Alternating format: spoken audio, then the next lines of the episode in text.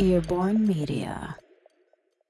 lansować się tym dziełem sztuki albo butami Gucci, które kupi kupiłeś w formie NFT przed swoimi znajomymi. Bardzo ciężko jest mi wyargumentować, dlaczego jest to coś innego niż kupienie tego banana na ścianie. Tak samo możesz sobie kupić właśnie edycję kolekcjonerską mema.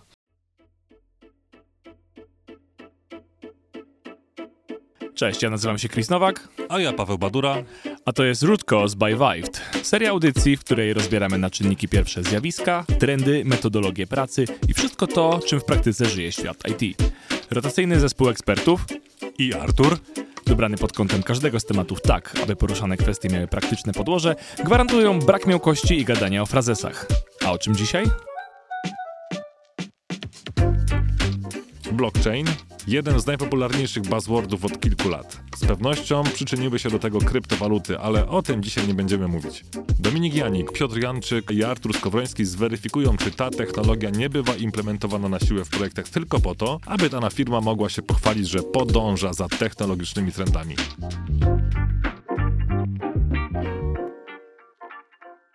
Dobra, w skrócie, blockchain, bo tak naprawdę wystarczy powiedzieć to jedno słowo, składające się z dwóch słów, a bardzo szybko kończy się to lawiną. Lawiną bardzo kontrowersyjnych opinii, bardzo często, a czasami po prostu ogromnej niezgody na temat tego, czy w ogóle blockchain ma sens. I dlatego dzisiaj chcielibyśmy z wami w studio porozmawiać o tym, co właściwie w tym blockchainie siedzi i dlaczego w ogóle warto jeszcze o nim rozmawiać. Zaczynając, kto z was w ogóle jest entuzjastą tej technologii? Ja troszeczkę. Aczkolwiek to pewnie wyjdzie w przyszłym odcinku, bo to jest bardzo zniuansowany temat. Tutaj możemy chyba zacząć, bo tutaj Artur przyniosłeś rekwizyt. Tutaj słuchacze tego nie widzą, ale my widzimy. To jest to bardzo ładna książka, dużymi literami napisana, to akurat odpowiednio dla mojej wady wzroku. E, Blockchain for Babies, więc rozumiem, że z tego czerpałeś wiedzę, żeby wytłumaczyć nam tutaj teraz od początku, co to jest blockchain. Znaczy, z tego wiedzy czerpała moja dwumiesięczna córka, ponieważ to był prezent, który dostałem od zespołu, jak urodziła mi się potomkini. Muszę przyznać, że było to bardzo zabawne. Bardzo dobra książka. Ogólnie jest fajnie wytłumaczone, bo nie wiem, czy wchodzimy tutaj, czym jest blockchain. To jest też trochę Ja bym pytanie. troszeczkę wszedł jednak, mimo wszystko, bo, bo, bo nawet jak rozmawiam z ludźmi z, z branży i zadaję, często lubię zadawać właśnie takie przewrotne pytanie, żeby w ogóle, no ale okej, ale wytłumacz mi tak na, na, na ten przysłowiowy polski chłopski rozum, nie? Co to, jest- co to jest jakaś dana technologia? No to im głębiej ktoś nawet w tym siedzi, tym jakby mu trudniej to, czy to, to jest w ogóle y, standard, tak? Im, Im więcej y, wiesz na jakiś temat, to tym trudniej ci wytłumaczyć podstawy, y, więc ja bym jednak mimo wszystko chciał, żebyśmy sobie o tych podstawach po, po, opowiadali. Dobrze, to w takim razie, jeśli spróbujmy prosto. Blockchain to jest forma event sourcingu i myśl, czyli odkładania kolejnych eventów po kolei, tworząc ciąg wydarzeń dziejących się w jakimś zbiorze danych, tylko zrealizowana w taki sposób, że nie ma jednego administratora, który zatwierdza, które rzeczy są prawdziwe, a które nie. Ponieważ blockchain zakłada, że tego typu scentralizowany system zawsze będzie opierał się na pewnej dynamice siły, ktoś będzie musiał wbrać i być zatwierdzony. Na przykład w przypadku finansów to jest bank centralny. Może nie będziemy wchodzili aż w Tak, nie kryptowaluty. będziemy wchodzić w kryptowaluty dzisiaj, bo to jest bardzo szeroki temat, a przede wszystkim nie o to tutaj trochę chodzi. Dokładnie. Nie? Więc... Zosta- Zostajemy przy technologii tak naprawdę. Więc nie ma centralnego administratora, który może zatwierdzić, że coś jest prawdą czy nie, więc ta prawda musi być zdefiniowana przez kworum. Blockchain był rozwiązaniem z problemu double spendingu. Wyobraźmy sobie, że kupiliśmy e-booka i ściągnęliśmy go na dysk. Kupiliśmy, a nie mamy go ze Szwecji. Dokładnie, nie mamy go z Zatoki Pirackiej. Jest kupiony, mamy do niego prawo własności i tak naprawdę nie powinniśmy go móc skopiować. Ale przez to, że nie możemy go skopiować, nie możemy go też za bardzo odsprzedać. Wiąże się to z tym, że w dalszym ciągu, nawet jak go odsprzedamy, to w dalszym ciągu jesteśmy posiadaczem kopii zapasowej. Po prostu możemy go komuś, ej, ty mi daj 10 dolarów, ty mi daj 10 dolarów, yy, ja wam dam tego e-booka i dalej go mam. Możemy to, go... tak jak te ko- kody do gier na Allegro. Tak, trochę dokładnie jak kody do gier na Allegro. To jest ten, to jest ten motyw. I to nie podoba się, ogólnie jest problemem piractwa y, od początku branży IT, ale problem robi się jeszcze bardziej skomplikowany, kiedy kwestia jest pieniędzy. I dlatego pieniądze były pierwszym takim killer featurem y, blockchainu. Ponieważ okazuje się, że jeżeli możemy nasze 10 dolarów skopiować i jedno wysłać Piotrkowi, drugie Dominikowi, a trzecie Chrisowi zapłacić za podcast, to one nagle przestają być... y, cokolwiek warte? No, inflacja. Jeżeli mamy jakąś e, store wartości, który możemy skopiować nieskończenie, to on jest nic nie warty. Jak dodrukowywanie pieniędzy w banku centralnym. Trochę, trochę tego. Oczywiście problem jest bardziej Teraz ta skomplikowany. kwestia, gdzie jest moje 300 baniek, nie? No. No wiesz, Tak. no może spełni się już bardzo niedługo to, co obiecywał Wałęsa przy obecnej inflacji i każdy dostanie te 100 milionów. Myślę, że to już kwestia czasu. Tak i będzie jak w drugiej. Będzie, no, dobra. Dobra, dobra, dobra. dobra. Tak. Czyli generalnie blockchain stoi na straży prawa i Blockchain, bardziej blockchain, tak, Odchodzę do polityki. blockchain stoi bardziej na straży tego, żeby nie dało się dwukrotnie wykorzystać tego samego zasobu. I to wygląda tak, że każdy ma jakiś tam portfel odpowiednią ilością pieniędzy i kiedy na Ale przykład... cały czas mówimy o tych pieniądzach. Cały czas mówię o pieniądzach, bo to jest najłatwiej wytłumaczyć na tym kontekście. Ale dzisiaj nie będziemy mówić za, bardzo o kryptowalutach. To Dlatego przejdziemy przykład. na początku i pójdziemy. odhaczone. Odhaczone będzie. I ja na przykład Dominikowi przelewam... Yy, przelewam mój... Artur Coina? Artur Coina? Dobrze, Artur Coina. 10 Artur Coinów to cały kolektyw, czyli wszyscy użytkownicy blockchainu zatwierdzają, ok, my to widzieliśmy, Dominik ma tego Bitcoin, tego Artur Coina i od tej pory ten Artur Coin, jak Artur będzie go próbował wysłać gdziekolwiek indziej, to coś nam się historia rozjeżdża. I to jest... To wszystko jest tak naprawdę zabezpieczone przez albo matematykę, albo ciekawą inżynierię społeczną. Tu nie będziemy bardzo wchodzić w szczegóły, może później wyjdą nam y, w naturalny sposób, ale to jest problem, który rozwiązuje blockchain. Żeby pewne zasoby istniały w jednej, unikalnej wersji cyfrowej. Ja chciałbym najpierw zapytać w takim razie, no jasne, jakby już, jeśli już temat finansów mamy z głowy, to tak naprawdę doskonale wiem o tym, że blockchain jest technologią, którą można wykorzystywać jeszcze na inne sposoby, ale nie do końca e, mam wyobrażenie tego, jak tak naprawdę może się, e, może się przydać w różnych innych, no, czy powiedzieć, e, aspektach życia, czy też branżach tak naprawdę. Jeśli poza, poza jakimiś e, właśnie sytuacjami związanymi z finansami, czy też bezpieczeństwem danych. Więc jakbyście mogli podać jakieś dobre przykłady tego, gdzie blockchain został na przykład w ciekawy sposób wykorzystany, e, chociażby z, może nawet z jakiegoś pobliskiego podwórka, bo podejrzewam, że nie trzeba szukać, szukać jakoś bardzo daleko, ale nie jest to pytanie, które najczęściej e, zostaje zadane. Jednym z takich ciekawych użyć blockchainu jest tak zwany trwały nośnik. Ponieważ oprócz tego, że blockchain ma te własności, że nie można dwa razy skopiować pewnego zasobu, to też jest dobrym, trwałym nośnikiem historii, którego nie da się wyedytować. Ponieważ to jest kolejna specyfika blockchainu i fajnie, że idziemy sobie tak płynnie przez to. Jeżeli coś zostało zapisane na blockchainie, to jest bardzo, bardzo trudno to wyedytować. Do tego stopnia, że jak y, społeczność cała chce coś wyedytować z blockchainu, to nagle się okazuje, że dzieli się na pół i powstają dwa blockchainy, ponieważ nie mogą na przykład dojść do konsensusu. Wymaga to tego, przy takich najbardziej trywialnych algorytmach, oczywiście są bardziej wysublimowane. Ogólnie blockchain to jest takie y, system engineering porn, bym powiedział. I to jest chyba jeden z powodów, dla którego bardzo fajnie się w to wchodzi, bo tam wszyscy mają white papery, problemy konsensusu. y, Jak ktoś lubi akademicką stronę IT, to tam może się wyżyć troszkę.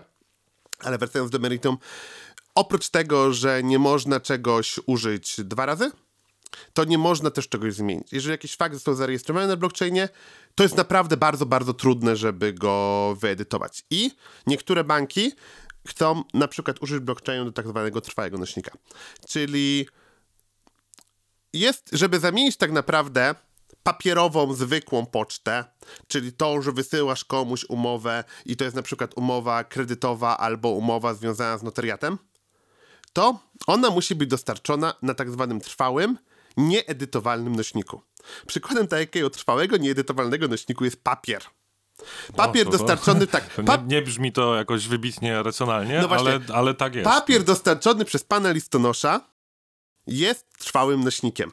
Dobrze opieczętowany musi być. Dobrze opieczętowany. Kolor, kolorowo opieczętowany. Tu się wszystko opiera na tym, że ufamy autorytetowi firm dostarczających, że one nie będą tam kombinowały po drodze. Komuś musimy ufać. W tym wypadku na przykład ufamy Poczcie Polskiej albo innemu dostawcy, którego wybrał sąd. Dlatego też na przykład sąd ma jednego dostawcę, czy wybranych dostawców, którym wysyła swoje listy. On im ufa. To jest nośnik pewnego zaufania. Tak samo ufamy, że jeśli coś zostało umieszczone na publicznym blockchainie, na przykład Ethereum, to przez to, że tam się dzieje tyle rzeczy, że nie będziemy w stanie wyedytować tej historii, to ten dokument będzie w niezmienionej formie. I to można wykorzystać na przykład, i trochę banków z tym kombinuje, do utrzymania formy umowy. Jeśli umowa jest w danej formie umieszczona na blockchainie, to nie jest tak, że ktoś sobie wyedytuje PDF-a i wyśle, ja właściwie miałem tutaj coś takiego. I nie wiemy, jakie jest źródło prawdy. To jest źródło prawdy. No właśnie, to, to, to było moje następne pytanie. Czy w takim razie właśnie prowadzenie dokumentacji, czy też technicznej, czy też prawnej, e, czy też właśnie historii i korespondencji na blockchainie to jest overkill, czy dobry pomysł? To znaczy, to na razie jest troszkę overkill, bo są też inne metody, są inne tak naprawdę sposoby realizacji swojego nośnika, ale blockchain na przykład jest ciekawym aspektem w kontekście ISO.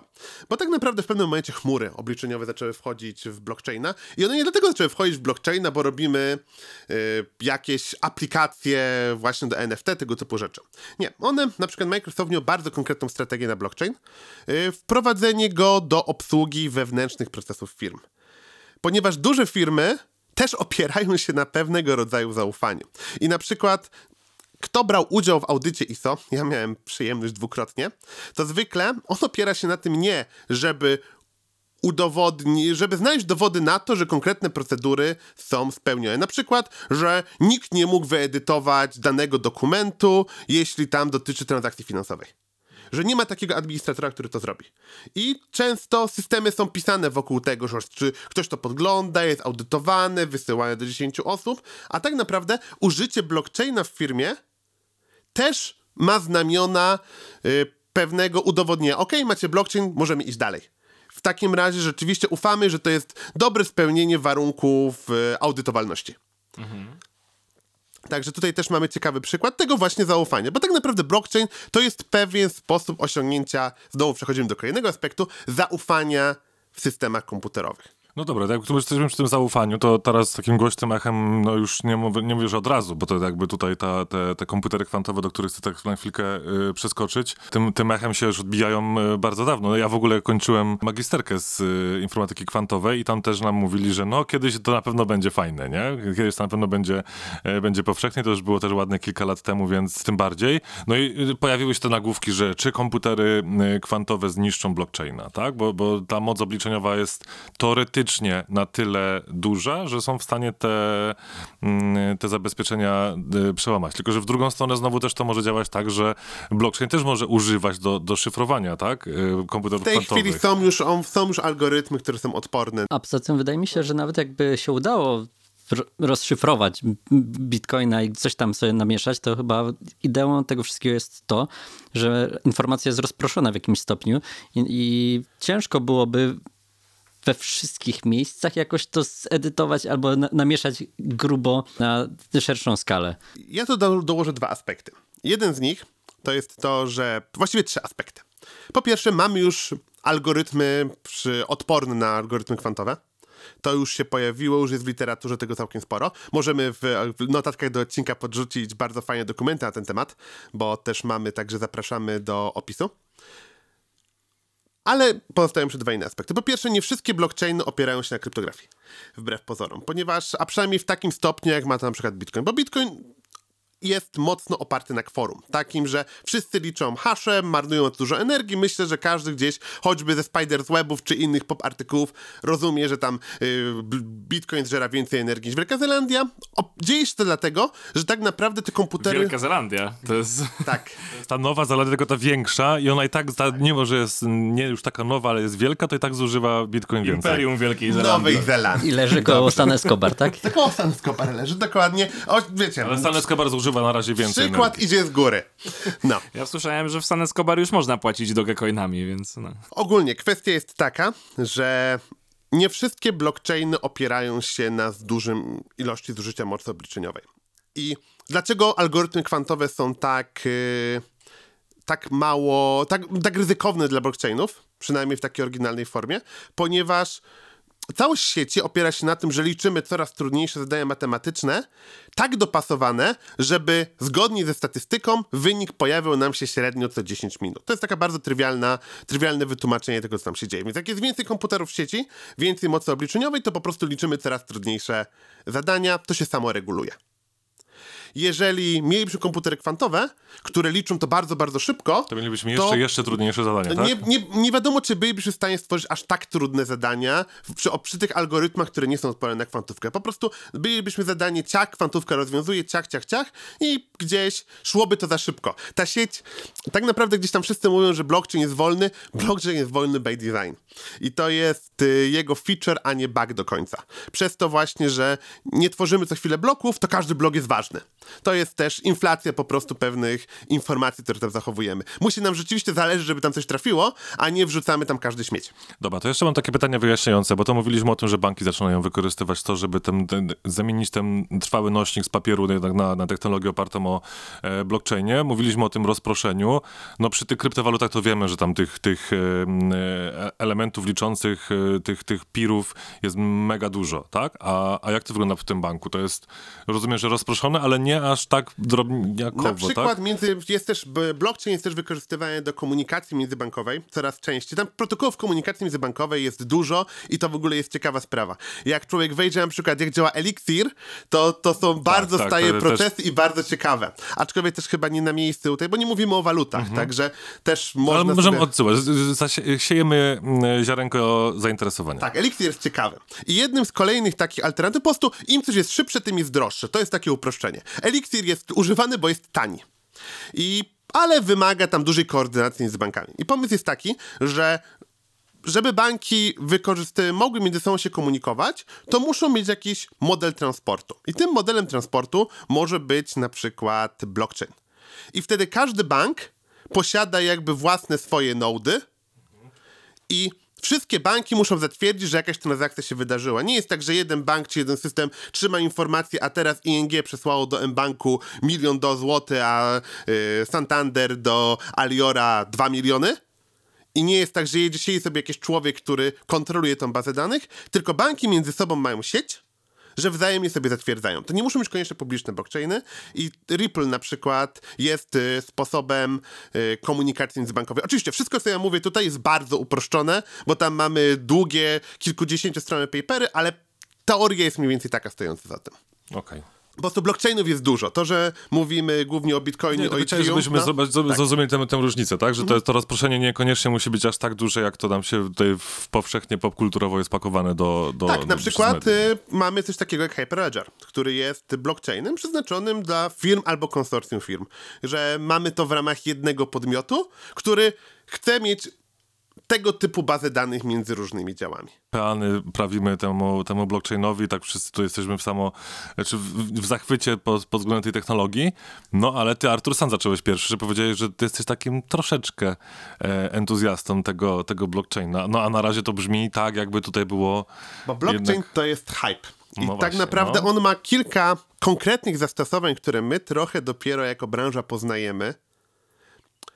Ale przez pewien czas, zwłaszcza na początku, próbowaliśmy go pakować do wszystkiego. Jest Na tak przykład do wszystkiego, czyli na przykład do czego? Bo ja no, szukam tych takich em, przykładów, że faktycznie to było wsadzone tak, że to naprawdę mnie zdziwi, że tam zostało w ogóle to gdzieś próbowane było być na, na, na My siłę próbowaliśmy w Vive na przykład wrzucić w naszym Oho, projekcie no. blockchain i tak naprawdę to jest ciekawostka. Nasz projekt y, też startował jako projekt blockchainowy Okej. i ja trafiłem do niego jako lokalny ekspert od blockchainu, albo przynajmniej entuzjasta, bo ciężko mi nazwać się ekspertem, bo to były też czasy, że ekspertów za wiele nie mieliśmy. Virtus na przykład ma teraz projekty blockchainowe, gdzie są ludzie dużo lepsi ode mnie, bo ja też nie miałem styczności akurat z praktycznymi takimi nowymi wdrożeniami od pewnego czasu, bo my blockchaina porzuciliśmy, ale mieliśmy blockchaina na produkcji, prawda Piotrek? Znaczy, nie jestem pewien, czy można to dosłownie nazwać produkcją, ale byliśmy blisko. e, Mieliśmy... Eksperymentowaliśmy z użyciem. Tak. wewnętrznej to, produkcji. Proof of concept bardziej to bym nazwał. No i co tam, co tam ten blockchain w tym, na tej webdowej produkcji e, robił? Za co odpowiadał? Myśmy chcieli rozwiązać problem rekrutacji i chcieliśmy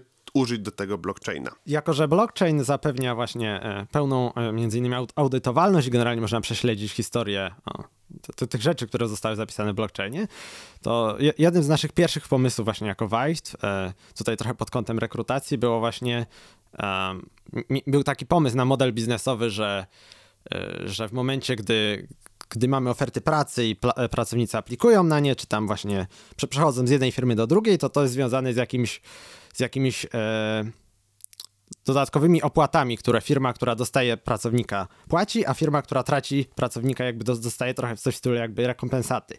I, i te przepływy właśnie, skoro jest mowa właśnie o pieniądzach, no to właśnie blockchain tu się wydawał pomysłem, który mógłby się sprawdzić, bo właśnie żeby potencjalni kontrahenci nam bardziej ufali, to, to właśnie miało być to w takiej formie, że, że oni mogliby e, mieć dostęp do tych transakcji i, i wiedzieć, co się działo.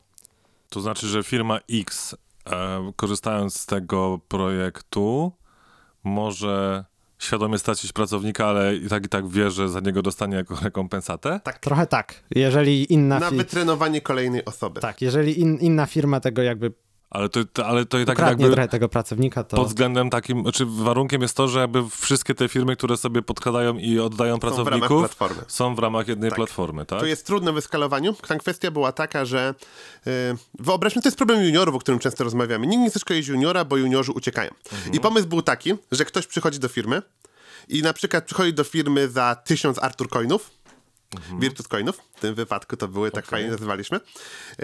2000 e, i potem on nabiera wartości i idzie do następnej firmy za 2000 Virtus Coinów. Więc w związku z tym ta firma, my dostajemy tam na przykład 200 Virtus Coinów, a firma dostaje 1800.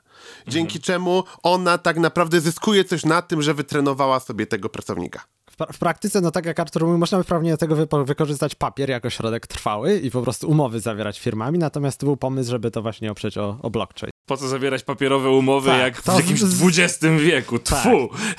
Tak, tak no, no, ale może byłoby to oprzeć o sporo więcej y, możliwości i niekoniecznie tam wpakowywać blockchaina, tak? Tak. I to dlatego blockchaina w tej chwili nie ma, to był jeden z proof, proof of concept. Bo tak naprawdę to Czy to jest tak na przykład firma, która, nie wiem, ma E, taki komarch, nie? na przykład. I oni nie mają blockchaina u siebie, tak? I, i to jest tak, że nie, nie, nie bazowaliście, tak szczerze, całkowicie szczerze teraz pytam, nie bazowaliście e, też trochę na tym, że wprowadzamy do firm technologię blockchain, nawet jak jej nie mają. I oni mówią, tak, my u siebie teraz też korzystamy z blockchaina, mamy taką platformę, która tutaj, to albo jest... jesteśmy członkami platformy, która, która w ten sposób działa, To jest tak? trochę działające pod tym kątem właśnie. To był pomysł, pojawiła się nowa technologia, zespajkujmy, zobaczmy jak to zadziała. Bo Czyli ogólnie... trochę jechaliście na modzie, tak? Szczerze mówiąc, ale to, to, nie, to, nie, jest, nie, to nie jest zarzut, tak? To nie jest zarzut, bo, bo Tak, dokładnie tak. Wtedy, wtedy była jeszcze, jeszcze, jakiś czas temu była jeszcze większa moda, teraz już ona trochę tak Teraz już tak ma trochę Albo tak trochę się zmienia kierunek tej mody. Dobra, to był czas, kiedy, bo w ogóle... W... Mniej więcej o jakim czasie mówimy? 2018. Mhm. Tak. Ogólnie jeśli chodzi o blockchain, to mamy też, jak to powiedzieliśmy, to jest oparcie się trochę na hypie. W naszej branży technologicznej jest bardzo dużo hypu. Takiego, pojawia się nowa technologia, wszyscy się na nią rzucają i to jest też powód, dla którego czasem banki się na przykład rzucają. To, że bank się rzuca na jakąś technologię, to często bank się rzuca na technologię, bo inne banki też się na nią rzucają. No dobra, ale to trochę to, wiesz, rzucanie się na technologię przez banki to jest troszkę nad wyraz, bo oni są chyba najbardziej uregulowanymi instytucjami tak, w ogóle. Tak, wiesz, tak o, ale o... właśnie dosłownie w tej chwili patrzę na y, notatkę prasową z pewnego banku, który e, właśnie chwali się tym, jak to wprowadza właśnie blockchain, trwały nośnik, do czego zamierza, do, do czego zamierza ich wykorzystać i to wszystko brzmi strasznie Patetycznie. Nijako, szczerze mówiąc. Jakby mówią o, ty, o, o, samej technologii, ale tak nie do końca pokazują, w jaki sposób oni zamierzają jej użyć. Tak, bo wiecie, jak to działa. To działa zwykle tak, że mamy bank i to znowu tak troszkę... My jest coś takiego jak na przykład Gartner Hype Cycle. Czyli info... mamy najpierw y, jakąś nową technologię, wygórowane oczekiwanie wobec niej, potem nam hype totalnie spada, a potem gdzieś dochodzimy do plateau, w ramach którego zauważamy, że ona ma pewne zastosowania. I mam wrażenie, że blockchain trochę dochodzi w niektórych aspektach do, tych, niektórych, do tego plateau zainteresowań. O do tego pewnie przejdziemy, bo to pójdziemy potem w temat, do czego, jak gdzie wygląda aktualny hype na blockchain. Ale też przez to, że wszyscy o tym mówią, to żadna firma nie chce zostać z tyłu zwłaszcza bank. Więc bank, który ma 10 tysięcy programistów pracujących na całym świecie, robi sobie 20-osobowy zespół, który spajkuje im, czy blockchainu nie dałoby się od tego użyć, informuje o tym prasę i wychodzi za super innowacyjnego. Więc to, że czasem bank powie, że coś robi, to jest albo w stosunku do inwestorów, bo inwestorzy patrzą wow i mamy, mamy bank, który idzie z duchem czasu, a jak gdzieś nie wiem, czy wspomnieliśmy w którymś podcaście, ale to jest znany fakt, że na przykład banki bardzo boją się fintechów. te fintechy gdzieś ich mocno... Tak, mocno podgryzają, bo one nie mają tego długo, długo siedzącego legacy, bo powiedzmy banki zaczęły się komputeryzować w latach 80. i te systemy zdążyły się zestarzeć. Więc y, jak ktoś wchodzi w rynek teraz, jak na przykład taki Revolut, on może zupełnie inaczej podejść do tematu z dużo większą, mniejszą ilością marsz i na przykład dwutysięcznym zespołem zrobić coś, co y, stutysięczny bank y, prowadzi równolegle, wolniej. Tak, dlatego Amerykanie już zablokowali Revoluta. I fajnie, fajnie to było widać w momencie, kiedy wchodził Revolut, to rok, dwa, dwa lata później wszystkie banki nagle stwierdziły, no to mamy konta walutowe e, o dużo niższych marżach i są bardzo porównywalne z właśnie Revolutem. Tylko, że jakby kto przeskoczył na takie konto, mając już Revoluta od roku czy dwóch. Dalej jesteśmy na etapie takim, że ten blockchain nam się tutaj, jak siedzimy dalej w piątkę, nam się wszystkim podoba, tak? No Ja to... zdecydowanie nie mogę Nie, powiedzieć. dobra, dobra, okej, no, Znaczy, no wreszcie, mo- mogę powiedzieć tylko, znaczy mogę powiedzieć, że pod pewnymi względami on się wydaje mieć sporo sensu, na przykład no, kryptowaluty, czy właśnie to, że jest jakieś tam konsorcjum banków, czy co, coś tego typu i, takie generalnie korporacyjne trochę. Czyli jesteś tolerancyjny dla Tak, blockchaina, jestem ale... tolerancyjny, ale niestety są, znaczy pojawiają się czasami jakieś dziwne zastosowania, na przykład e, tak zwane non-fungible tokens, Mhm. e, czyli NFT i e, no to jest dość, dość dziwny koncept, w sensie To jest to, że można sobie miłość kupić, tak? Na przykład od kogoś. Też. e, potencjalnie też, generalnie wirtua- znaczy jakby wirtualny dowód tego, że się ma się jakby wirtualnie własność czegoś, ale tak w praktyce prawnie to się nie ma do końca własności. Na przykład no, normalnie kolekcjonerzy kupują e, oryginalne dzieło sztuki powiedzmy, e, natomiast w przypadku e, NFT można sobie kupić być potencjalnie właścicielem komentarza na Twitterze albo e, filmiku na YouTube, tylko tak naprawdę form, pod względem prawnym nie jest się do końca właścicielem. No i to już jest patologia. Okej, ale po kolei, bo jakby wytłumaczyliśmy podstawy, jeśli chodzi o blockchain i dla wielu ze słuchaczy nie będzie to oczywiste, czym tak właściwie jest NFT, więc krótka definicja też, wyjaśnijmy jakbym miał 5 lat, o co chodzi w NFT. Dobra, mówiliśmy o jakichś trwałych nośnikach, yy, w zastosowaniach biznesowych, bankach, a teraz zaczniemy jazdę bez trzymanki. NFT to jest yy, skrót od tak zwanych non-fungible tokens, czyli tokeny niewymienialne. Yy, Wyobraźmy sobie, żeby powiedzieć, czym jest niewymienialność, popatrzmy na 10 zł. 10 zł, trzymamy je teraz w ręce, jest tak samo użyteczne jak inne 10 zł. Możemy stosować, czy pójdziesz do sklepu i zapłacisz konkretną 10 złotówką, czy inną 10 złotówką, właściwie dopóki nie jest fałszywa gancegalt sprzedawczyni. Jeżeli chodzi o bitcoina jest bardzo podobnie. Jeśli zwłaszcza mówimy przed czasami NFT. Czyli po prostu nikogo nie obchodzi, czy to jest konkretny yy, ten token, czy inny token. Ale robi się ciekawiej, kiedy ludziom zaczyna zależeć na bardzo konkretnym tokenie. Ponieważ tokeny tak naprawdę są nośnikiem jakiejś informacji. Często są to informacje o tym, że przebiegła jakaś transakcja, czyli na przykład Artur przelał Dominikowi 10 Artur coinów, ale zakodować można tam w zasadzie wszystko. I NFT znalazło trochę ciekawych zastosowań, czyli właśnie te bardzo konkretne tokeny. Przy takim przekładaniu mogą być na przykład e, wspomniane akty własności, chociaż troszkę mam wrażenie, że to jest e, to jest określenie troszkę na wyrost. Bardziej bym to nazwał licencją, bo ciężko według mnie nazwać to, co się kupuje w sumie włas- Kwestia nomenklatury generalnie, Troszkę tak? Tak, już- ale to jest bardzo ważne według Mhm, mnie. Okej. E, właśnie li- licencja, że tak to ujmę, na jakieś dobra kultury cyfrowej. I tutaj mamy, e, możemy... To, Czy, do, czy dobra momentami, to nie tak, wiem. ale jakby e, produkty kultury cyfrowej, i tutaj możemy pod tą definicję podciągnąć na przykład, nie wiem, filmiki na YouTubie, e, memy, różnego rodzaju, na, tak wspomnianą, wirtualną miłość od polskiej influenc- influencerki. E, I jednak nam w tym wypadku zależy na tym, żebyśmy mieli ten jeden oryginalny produkt, powiedzmy. I dam na przykład tutaj też pozwolę się wbić, jeżeli mamy Ethereum, który jest warte teraz na przykład pod 4000 dolarów, to za to konkretne Ethereum, które posiada zakodowaną informację o miłości influencerki, ktoś daje milion dolarów. To jest ta zasada. Bo to jest to jedno konkretne i ja chcę być właścicielem tej konkretnej wykopanej monety. Dobra, i teraz tak, ja, co dzieje się z tym dalej? Bo jakby dla mnie zawsze to od samego początku NFT miało, miałem wrażenie, że ma po prostu taki wymiar e, Symboliczny trochę, symboliczno-kolekcjonerski, że teoretycznie... Al, albo społeczny, no Troszeczkę właśnie. chyba tak jest, no bo e, powiedzmy sobie szczerze, e, jak, jak, to jest tro, dla mnie troszkę jak e, obraz, nie? E, mamy Monalizę tą kon- konkretną. Ale możesz sobie go powiesić w pokoju, można na Ta- niego patrzeć, tak? I, i jeśli masz oryginał Monalizy, on jest wart kupę kasy. Ale jeśli będziesz miał na przykład, nie wiem, tam e, pff, jaką, e, Reprodukcja. reprodukcję, która będzie jeden do jeden taka sama, ona już jest warta dużo, dużo mniej. No. Tak samo masz tutaj, e, możesz mieć jakiegoś gifa, super, mieć na komputerze i to jest jakaś tam kopia tego oryginal, ory- oryginalnego gifa. Jest praktycznie nic nie warty. Ale masz też e, kon- konkretną licencję na posiadanie tego gifa i jakby świadomość tego, że posiadasz to.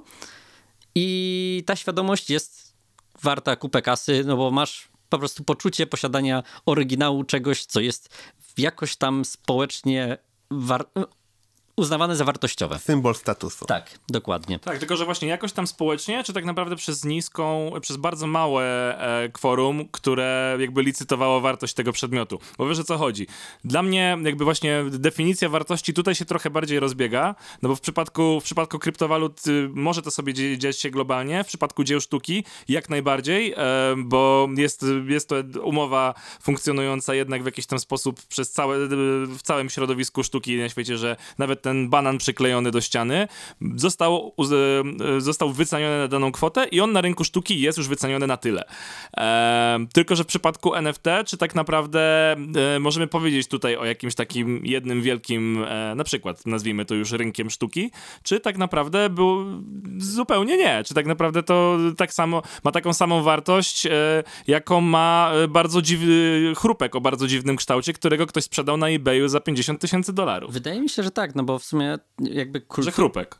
Nie, że e, e, troszkę jak sztuka, no Okej. bo jakby w dzisiejszych czasach kultura cyfrowa, że tak to ujmę, nie wiem, czy to jest poprawne określenie, tak, no, tak, przyjmę takie, e, jest coraz, e, coraz ważniejsza w naszym życiu i to, co kiedyś było uznawane za aspekt taki, no, troszkę niszowy i em, mało szanowany, czyli jakieś tam memy i tak dalej, w dzisiejszych czasach odgrywają coraz większą rolę i w momencie, kiedy stajesz się że tak powiem, licencjonowanym właścicielem jakiegoś mema, bo nie wiem, kupiłeś sobie za kupę kasy z, to, to zdjęcie z dziewczynką z, na, na tle e, płonącego domu, e, staje się to troszeczkę czymś ważnym, wartościowym.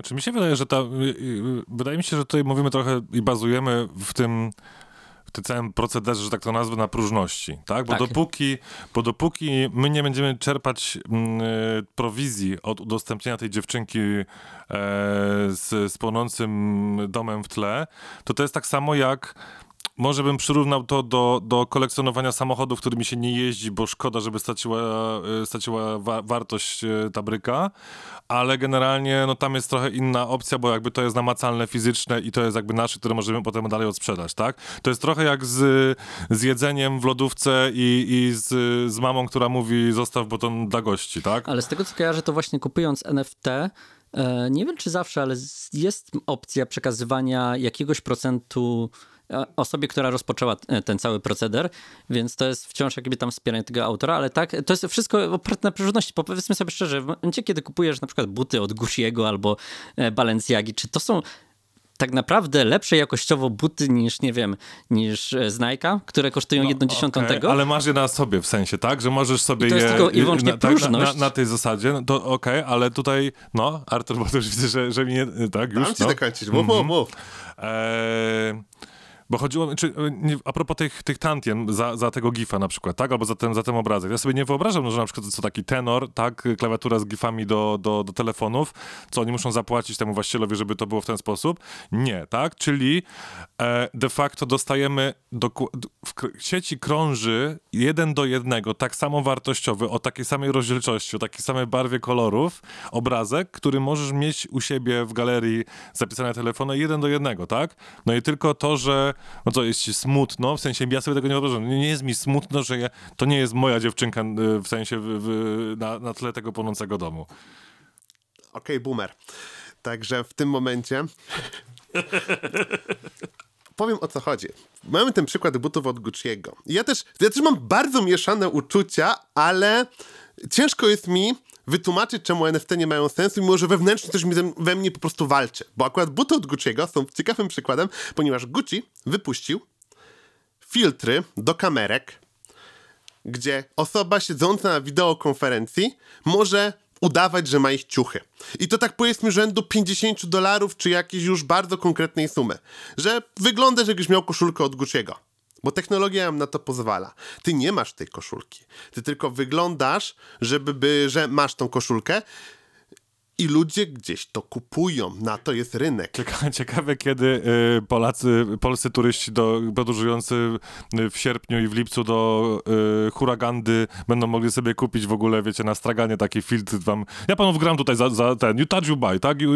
Instalujesz, to jest już twój y, dwa dolary, nie? Ale wiecie, tak naprawdę ciężko, to się dziwi, dziwimy się temu, a na czym polega cały rynek mikropłatności w grach? Że kupujemy sobie skórki Tak, dla postaci. zmierzałem Kupujemy właśnie. sobie czas. Nie, kupujemy, nie. Okej, nie, okej, nie, nie, mówisz nie. o skórkach, Skórki tak? do Tak, broni. tak, Tak, tak, tak. Jeżeli mamy po prostu przedmiotach. skórkę, która jest warta 10 tysięcy dolarów, załóżmy. Fałdolców na przykład. Dolców, no. Fałdolców. Fortnite'owych. Fortnite dolów, do- które przecież przekładają na realną monetę. To to jest symbol statusu w grze. Ja mam fajnego skina, ja mam świecącą się broń i ja jestem fajniejszy niż moi koledzy. To jest typowo takie y, pewne wyróżniki. I to się tak naprawdę No dobra, sprowadza do Artur, tego ale samego... tą co- skórkę widać, grasz z tymi kolegami, tak? Moje dziecko też kupuje. W ogóle moje dziecko to jest takie jakby mój syn w sensie bardziej niż córka, bo córka jest mało Fortnite'owa, chociaż też gra, ale on to by wydał sobie wszystkie oszczędności. W ogóle on miał taki pomysł, że w ogóle I dlaczego on to zbiera, robi? Żeby mieć ten hype wśród znajomych, tak? Dokładnie. Tak, ale on ma tą, tę skórkę, w sensie on sobie nią gra i to jest bardziej namacalne, tak samo jak ten but, niż ta, już uczepiłem się tej, tej, tej, tej dziewczynki Ale i tak e, w wszystko tym. sprowadza się do świadomości, do tego, że ty masz poczucie tego, że posiadasz coś. Tak, tylko że to poczucie jest dla ciebie, a jakby tutaj chyba właśnie różnica się rozbiega w momencie, że nie masz przed kim poszpanować, że to masz. Bo, I to jest bardzo bo ważne. jeszcze dużym, moim zdaniem, dużym elementem takim, który ma miało też mm, jakby proces decyzyjny wpły- wpływał na, czy to, co miało wpływ na proces decyzyjny tej osoby, która kupiła sobie za tą bańkę dolarów, tą miłość wirtualną, bo to było pewne, że każdy polski i zagraniczny portal na tym, o, o tym opowie. Tak na całym świecie. The Sun, Pudelek, Fakt, Super Express, Daily Mail, wszyscy generalnie o tym, na, o tym powiedzą, więc patrząc na to, jakie zasięgi wygenerowało t- ten fakt zakupu tego, jest niespółmiernie momentami w, większy niż wartość tych zasięgów e, żywej gotówki, czyli to było pewnie więcej niż ta bańka dolarów, tak? I to, i to jest, że jest, jest, jestem jakoś w stanie, e, w stanie zrozumieć, ale już na przykład no, kupowanie czegoś, co jest, bo w pewnym momencie to będzie na tyle powszechne, tak, że będziemy mogli sobie kupić, każdy z nas będzie sobie mógł kupić cokolwiek, w sumie już jest, tak? Że, że jakby naprawdę trzeba będzie coś niezłego odpierdolić, że tak powiem, żeby w ogóle ktokolwiek go to zauważył i, i, o, i o tym napisał, nie? Tak, Więc to- ten mem jeszcze pierwszy, ta dziew- dziewczynka była pierwszym obrazkiem, tak? Potem tam był pierwszy tweet, ale ten setny, tysięczny, milionowy dla- zakup, to już będzie takie, Ale czy tak okej, nie, mam, nie? nie jest przypadkiem ogólnie ze sztuką, że wiesz, na początku te obrazy były jakoś tak kosmicznie warte i potem to zaczęło spadać troszkę na wartości. No, patrząc na te licytacje, to co są dalej tych takich topowych, to, to sądzę, że to To- jednak... ale to, to to to o topie nie? i ta dziewczynka też będzie za 10 lat warta To pewnie. jest to samo co high fashion, nie? To jest tylko próżność jakiejś małej grupy. Dokładnie. E, więc no chyba tak powinniśmy to traktować. Aczkolwiek e, im, dłużej, im dłużej to krytykujesz, tym bardziej chcę kupić NFT z Pawłem Jumperem. Chyba rzeczywiście! To jest bardzo ważne, co powiedziałeś, że tak naprawdę NFT to jest playground dla bogatych. To nie jest, tak- to nie jest zabawa dla... To jest jak rynek kolekcjonerski i kupowanie starego Mar- Maria w oryginalnym kartridżu za 2 miliony dolarów. No właśnie, i na przykład tutaj bardzo Ale chcę... kartridżu. Ale dlaczego? Ale Nie, nigdy bo- go nie... nie Ale tak samo, ja kupuję kupę gier, nawet te, które wychodzą w Game Passie, którego jestem abonentem, kupuję te gry też w pudełku, Ale żeby je sobie to mieć. Się, ale wiesz, tak z perspektywy, ja, ja cię świetnie rozumiem, bo ja mam tak samo. W życiu bym tego nie kupił. Ale ci ludzie kupują to w plastikowym pudełku i nigdy tego nie wyjmują. Trzymają to wam, na że Paweł półce. ma samochód z leasingu. Tak, tak, Ale samo, teraz, tak, tak samo możesz sobie kupić właśnie edycję kolekcjonerską mema. No. To możesz sobie kupić i to, to masz. Ty Nie pokazujesz tego, wiesz, będzie gdzieś wirtualny wall i pokażesz znajomym, to jest oryginalna dziewczynka z Ale domem. Wiesz, to, bo, bo padło do mnie, okej, boomer, zaraz muszę odbić tę piłeczkę, bo y, okej, ja rozumiem fenomen ekipy na przykład, tak? Co ludzie z branży marketingowej, niektórzy nie, nie, nie rozumieją mi w ogóle. ale... To jest dokładnie to. Nie? I na przykład dla, dla mnie to jest, to jest całkowicie zrozumiałe. Jestem w stanie y, jakby udokumentować komuś racjonalnymi argumentami, dlaczego ta wartość e, tej całej, mm, jak zwał, tak zwał, ekipy e, jest tyle warta, tak? I dla mnie to jest bardziej zrozumiałe, bo są te zasięgi i tak dalej, i tak dalej, ale jakoś, no, no nie, nie czuję tego... Chodzi o tego... szpan i to jest kryptodekadencja. Ja to mam jedno określenie na to. Kryptodekadencja, po prostu... Piękne słowo. Czyli Tak. ci programiści, ta branża IT już tak obrzydliwie dużo zarabia, nie, Ale programiści, że już jest ten programiści tego nie czynnik, kupują. czynnik, e, czynnik higieniczny już jest tak na tyle w tle w ogóle tego, tych wszystkich zarobków, że hmm, Ale Może my sobie jako kupimy branża- dziewczynkę jako na tle płonącego jako domu. branża IT my tego nie rozumiemy i ja tego w życiu bym nie kupił NFT. Ja w Dokładnie. życiu bym nie kupił mikropłatności. Ja tego nie bronię dlatego, że ja jestem jakimś wielkim fanem i kolekcjonerem. Ja bardziej zauważam... Ja próbowałem bardzo być krytyczny do tego, bo ja jestem w temacie, gdzieś tam śledzę go od marca powiedzmy, kiedy pojawiły się te pierwsze wielkie wyceny, w miarę regularnie. I bardzo ciężko jest mi wyargumentować, dlaczego jest to coś innego niż kupienie tego banana na ścianie. Bo to, że ty masz tego banana na półce, gifa możesz trzymać sobie na ekranie komputera. Więc już teraz jesteśmy na poziomie nie banana na ścianie, ale niewidzialnej rzeźby tak naprawdę. Tak. I tak naprawdę jak kupujesz tą niew- niewidzialną rzeźbę, to czy posiadasz coś poza certyfikatem? Który sobie powiesisz na ścianie? No nie. Tak samo tutaj będziesz miał też. Więc to rzeźba tak naprawdę kupujesz, od NFT się nie różni. No. tego Tak. narkotyku się nie pali po prostu, nie?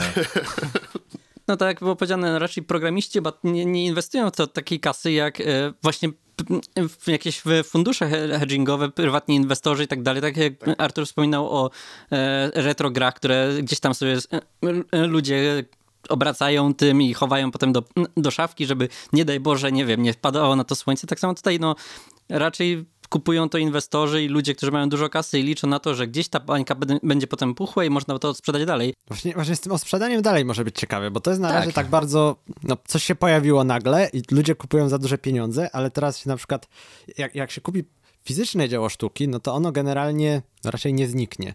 W przypadku... No, może się utlenić na przykład, tak? Może Okej. stracić właściwości, które nie, No i dobra, niektórych sa, jeszcze samochód mogą... kolekcjonerski może w pewnym czasie już nie odpalić po 100 latach pewnie, tak? Ale, y, ale właśnie jak, jak mamy takie um, tokeny, które są oparte o jakimś właśnie y, y, jakimś rozwiązaniu cyfrowym, które jest chwilowo, jest jakiś hype na nie, a potem on może jakby już nie, nie być, to to w ogóle wszystko może być praktycznie bezwartościowe na przykład za 20 lat. Właśnie słyszałem różne spe spekulacje, że e, są tokeny, które odnoszą się do konkretnego adresu URL. I wiadomo, jak jest w sieci, czasem może coś wyparować, no i cóż, Bitcoiny też giną, giełdy się Dokładnie. zamykają, I- p- kryptowaluty wyparowały tak jak ludzie, którzy sobie kody QR tatuują, a potem przestają tak. działać. Tak. E, I No są, chyba, że jest z Rickrollem, to nigdy nie przestanie. są spekulacje, że właśnie takie e, tokeny mogą być więcej warte, bo nie jesteś w stanie już tego w żaden, in, żaden Już sposób... będzie całkowicie bezużyteczny.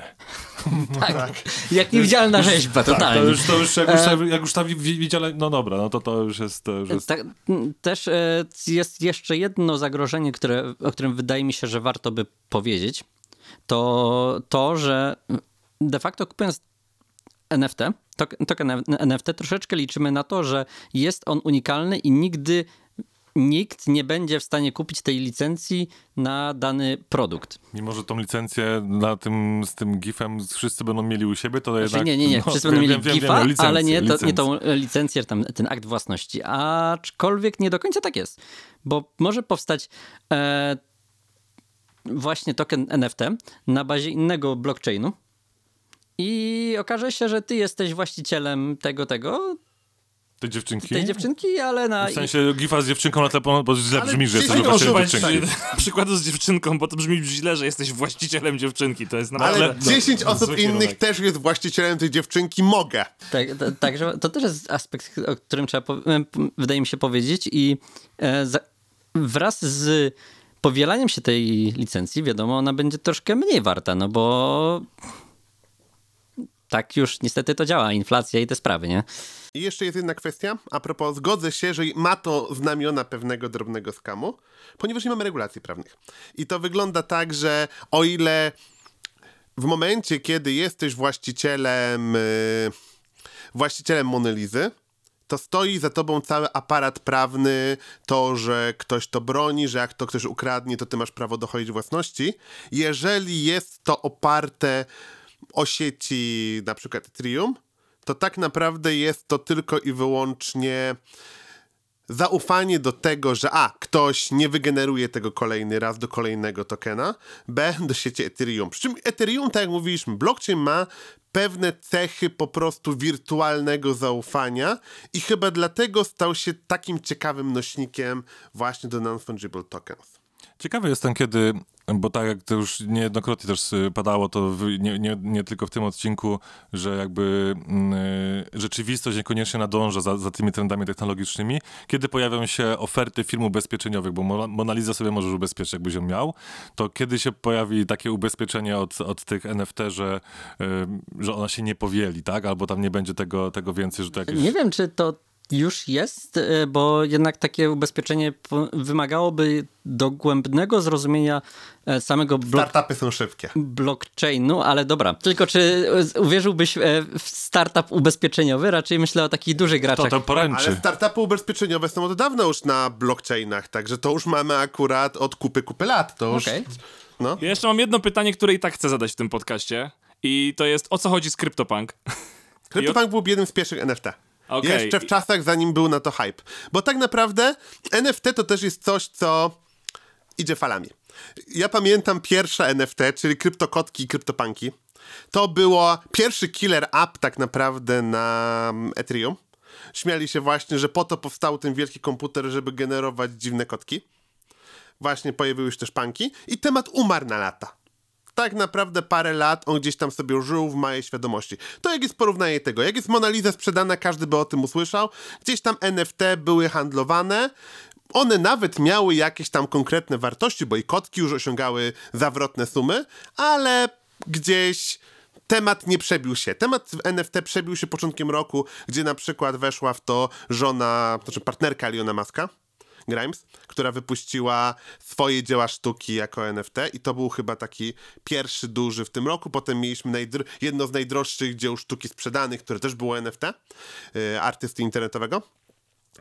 I ten temat znowu osiągnął pik i powiedzmy sobie szczerze, on osiąga, wraca do pewnego plateau. Już w tej chwili największy y, sprzedawca, no, największy handlarz NFT, czyli firma OpenSea, ma 70% spadku obrotu. Więc to gdzieś znowu wraca do poziomu, gdzie będą pewnie interesowali się tym entuzjaści. Za to, czy umrze zupełnie, myślę, że wróci nam za parę lat. Tak, jak demo scena. Jak Zawsze demo żywa. scena, zawsze żywa, po prostu co pewien czas ma pewne y, element, momenty przestoju. Niekiedy co jakiś czas Commodore i Amigi są w serwisie po prostu. No, dokładnie. Muszę, trzeba je naprawić i... Aczkolwiek robię już retro Amigi, robię już retro Commodore na bardzo podobnych częściach, także wiesz, Amiga wychodzi w grudniu, bo ja poluję, chcę, jestem zapisany. Dobra, no to Metaverse, tak? To jest jeszcze jedna rzecz, która Tak, się to- właśnie i- łączy z, z NFT. I czy to jest w ogóle kolejny eksperyment, gdzie bogaci z Doliny Krzemowej przypalą miliardy dolarów, czy ma to jakiś sens? Nie wiem. I to powiem ci szczerze, ciężko jest mi powiedzieć, ponieważ tak, jak byliśmy na wierzchołku góry lodowej, czyli trwałe nośniki, potem zeszliśmy poniżej oceanu, gdzie gadaliśmy o NFT, to teraz krążymy po prostu pod Nierowo Mariańskiego, czyli metaversy, które też się trochę przebijają do tematu. Cześć, tu Paweł z przyszłości. Ten odcinek nagrywaliśmy chwilę zanim Mark Zuckerberg ogłosił oficjalnie Meta, wyrzucając temat naszych rozważań znacznie bliżej powierzchni. Dlatego jeśli jesteś głodny dowiedzieć się więcej szczegółów, nie zapomnij zajrzeć do linków w opisie odcinka. Metaverse to jest koncept, że tak naprawdę będziemy żyli w wirtualnym świecie. Czyli tak naprawdę będziesz miał swojego awatara, który będziesz grał w gry, będziesz chodził na koncerty, będziesz spotykał się ze znajomymi Mój syn był ostatnio na koncercie w Fortnite. i dokładnie się do tego tu wszystko sprowadza. Że tak naprawdę to się dzieje. My, dla nas to jest dziwny koncept. Mam trzy, trzy dychy na karku, siedzę w świecie technologii, śledzę ją na bieżąco i nie mogę jakoś tego konceptu przełknąć. Ha, okej, ale- boomer, ja mam prawie cztery dychy i jestem na bieżąco, bo mam dzieci w takim wieku, że już jakby Dokładnie. jestem w stanie to bardziej rozumieć niż ty. Dokładnie. Ale nasze pokolenie już robiło to w Second Life'ie. Nasze pokolenie robiło to w Second Life, tylko teraz mamy lepsze narzędzia Tak. i jest to bardziej popularne. Bo kiedyś robili to nerdy i geeki.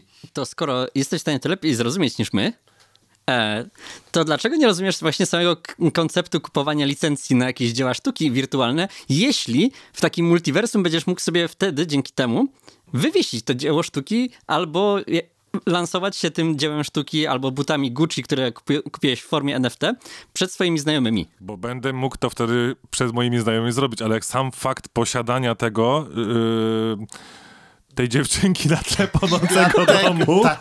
nie jest dla mnie e, wartością, bo nie mogę się z tym nikim podzielić. To, że będę miał hype, to, to walić ten hype, tak? W sensie ten hype, że ktoś tam napisze, że jak sobie wpisze, nie wiem, Paweł Badura, dziewczynka z płonącym domem w tle, to wy tak, to on jest właścicielem. Ale nie? to właśnie to- wtedy to, że- wchodzi no. multi, e, e, multiversum, Metaverse. metaversum. I jeśli w metaversum to będzie jedyna dziewczynka z płonącym domem w tle, kupuję. No właśnie to jest to, bo inwestorzy też nie myślą o tym, co się dzieje w tej chwili. Ja jestem bardziej bliżej tego dna oceanu niż pod tą górą zaraz przy... No Dokładnie, dokładnie. Jak wejdziemy do metaversum, to w tym momencie na przykład to jest bet. Może rzeczywiście te cyfrowe produkty będą bardziej ważne niż te I w, realne. tym, I w tym w obrębie tego konkret, konkretnego jednego metaversu, no nie wiem, tej sieci serwerów, tak? I ta dziewczynka będzie jako jedna. Tak.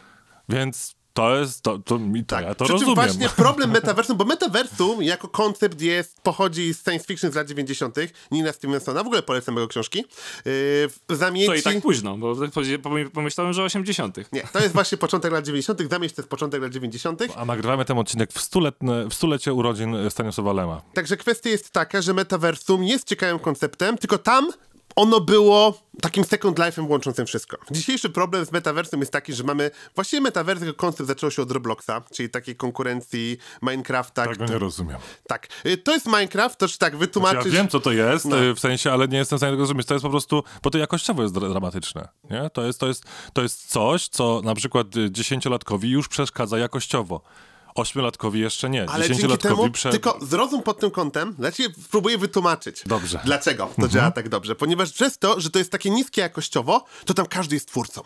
Nie ma problemu z tym, że każdy może stworzyć swoje własne doświadczenie, bo oni kiedyś określali te rzeczy, które się dzieją jako gry, teraz jako doświadczenia. I ty możesz zrobić własną grę, ty możesz zrobić jakiś własny na przykład poziom w tym, yy, ponieważ to jest proste, bo to jest bardzo prymitywne. Więc yy, to jest jeszcze jeden krok dalej ekonomii twórców. Masz jednego awatara, który bierze udział w różnych doświadczeniach w ramach sieci. Ale to już się dzieje.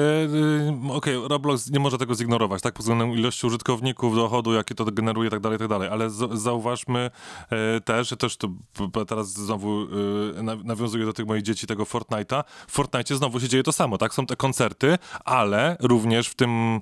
Nie wiem, jak dokładnie to się nazywa, tym trybie kreatywnym, powiedzmy, też mogą, każdy gracz może tworzyć swoje, Tak. swoje rzeczy i to znowu pociąga za sobą maksymalnie dużo odnóg takich biznesowych dla streamerów, youtuberów itd., itd., którzy tworzą to, reklamują swoje kody, zają jakieś kody zniżkowe, współpracują z, z, e, z twórcami Fortnite'a i to się, to się napędza, więc to, to, to, to e, ten, ten metaverse to jest do Forte trochę takim się staje dla nastolatków. Tak, i problem z metaversem ogólnie jest taki, że u Stevensona było jedno.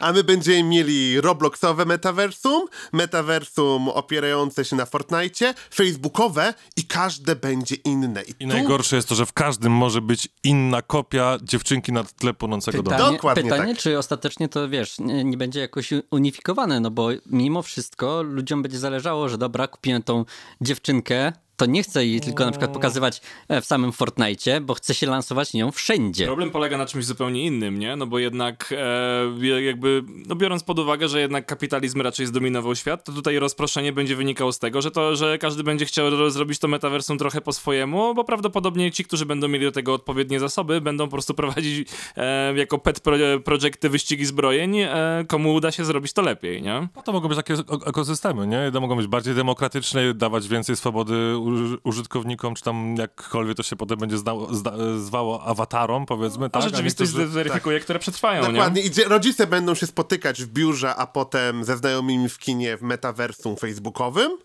A dzieci będą nawalały się w Fortnite, koncercie Eee, 20. I Tak, powiedziałeś bardzo, bardzo ważną rzecz teraz. Metaversum facebookowym, nie? E, tak się właśnie teraz zastanawiam, czy e, w momencie, kiedy do wszystkich aplikacji praktycznie jesteśmy w stanie się zalogować używając Google'a czy Facebooka, czy też się właśnie te wszystkie aplikacje nie łączą gdzieś tam w to jedno metaversum facebookowe, bo jednak wszędzie lansujesz się swoim profilem na Facebooku, pod swoją twarzą, imieniem, nazwiskiem, pierwszy mailem. krok. W naszym wieku jeszcze tak, nie? to jest pierwszy krok. Wie, wiesz o co chodzi? Jakby wszystko to jest łączone i tak w tym jednym miejscu. Czyli jednak będzie takie mm, meta-uniwersum, w którym będzie smacznej kawusi miało Nie swoją wiemy. jakąś odnogę. pewnym sensie ono już istnieje. Tak, ono już istnieje, po prostu wchodzimy coraz większe poziomy wyżej. Czyli to, że e, Zuckerberg inwestuje w- bardzo mocno w Oculusa i cały czas nad nie pracują, to nie jest nieprzemyślany plan. To nie jest Wątpię. nieprzemyślany plan. Weźcie pod uwagę, że oni ostatnio porzucili plan, ale oni myśleli nad. Bardzo mocno idą w tym kierunku. Myśleli nad y, Machine Brain Interface, czyli próbą połączenia, żebyśmy tak naprawdę sterowali komputerem mózgiem. I to była ważna jednostka w Facebooku. Akurat nie udało im się tego zrobić i próbują obejść troszkę naokoło, ale Nie wiemy, co się dzieje w, na, na zapleczu. Dokładnie. Nie? To, że się nie udał jeden projekt, może jest 10 innych. Może oni mają tak naprawdę bardzo dużo, bo wyobraźcie sobie, że oni rzeczywiście to stworzą. I ludzie nie będą wychodzili za bardzo z tego Facebooka. Kiedyś wydawało się, że to będzie jakaś przyszłość, ale odległa, ale przyszedł 2020. Wszyscy zaczęli żyć w sieci i musieliśmy się trochę do tego przystosować. Nie wiemy, co będzie z COVID-em. Może ludzie się strolą już tak, że będą rzeczywiście siedzieli głównie w domu. I to, Znam takich. Tak, to są bardzo interesujące kierunki rozwoju świata technologii. Mi się wydaje, że jak już wchodzimy w tą gęstość na tym etapie i jak już wspomniałeś o covid no to też zwróćmy uwagę na to, że e, bańki internetowe, w których się znajdujemy, tworzone przez, e, przez media społecznościowe już sprawiły, że niejako na przykład miłośnicy teorii spiskowych żyją już w swoich metaversach i one i w zasadzie już nie za bardzo poza nie wychodzą, bo też e, no, media społecznościowe są skonstruowane w ten sposób, żeby karmić cię dalej ty, jeszcze bardziej tym, w co wierzysz. Więc no cóż, I te, przez to też e, zauważ, że coraz bardziej rosną środowiska e, skrajne i, le- i z jednej strony i z drugiej strony. No bo Oczywiście, jak najbardziej. zamiast wychodzić z domu i kontaktować się z różnymi ludźmi, tak jak powiedziałeś, siedzimy i gadamy z coraz większą grupą ludzi myślących dokładnie tak jak my. Po prostu przejdziemy na okulary i będziemy robić to w pełnym wirtualu, nie pisząc, tylko na przykład widząc się. I Dobra, to na koniec zostawiam was i słuchaczy z pytaniem trochę moralno-egzystencjalnym. Czy ta osoba, która kupiła miłość od tej pani, która to sprzedała w NFT, będzie mogła to całkowicie moralnie osprzedać? Dzięki. To wszystko na dziś. Pamiętaj, że w opisie znajdziesz paczkę linków do artykułów związanych z tematem odcinka, a w aplikacji Vibe znajdziesz mnóstwo innych treści stricte dopasowanych do Twoich zainteresowań i ulubionych technologii, które pomogą w rozwoju Twojej kariery w IT. Subskrybuj wszędzie tam, gdzie słuchasz podcastów oraz na YouTube, aby nie przegapić żadnego odcinka. Do usłyszenia.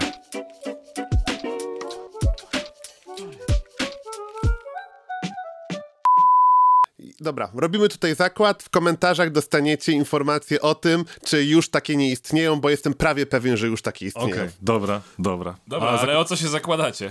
Flacha? Może być. Dobra, to wytnijmy to, ale NFT flacha, flachy. flacha w NFT. flacha w NFT. Dajcie, gifa ci wyślę. Dobra, pijemy. Pijemy, tak.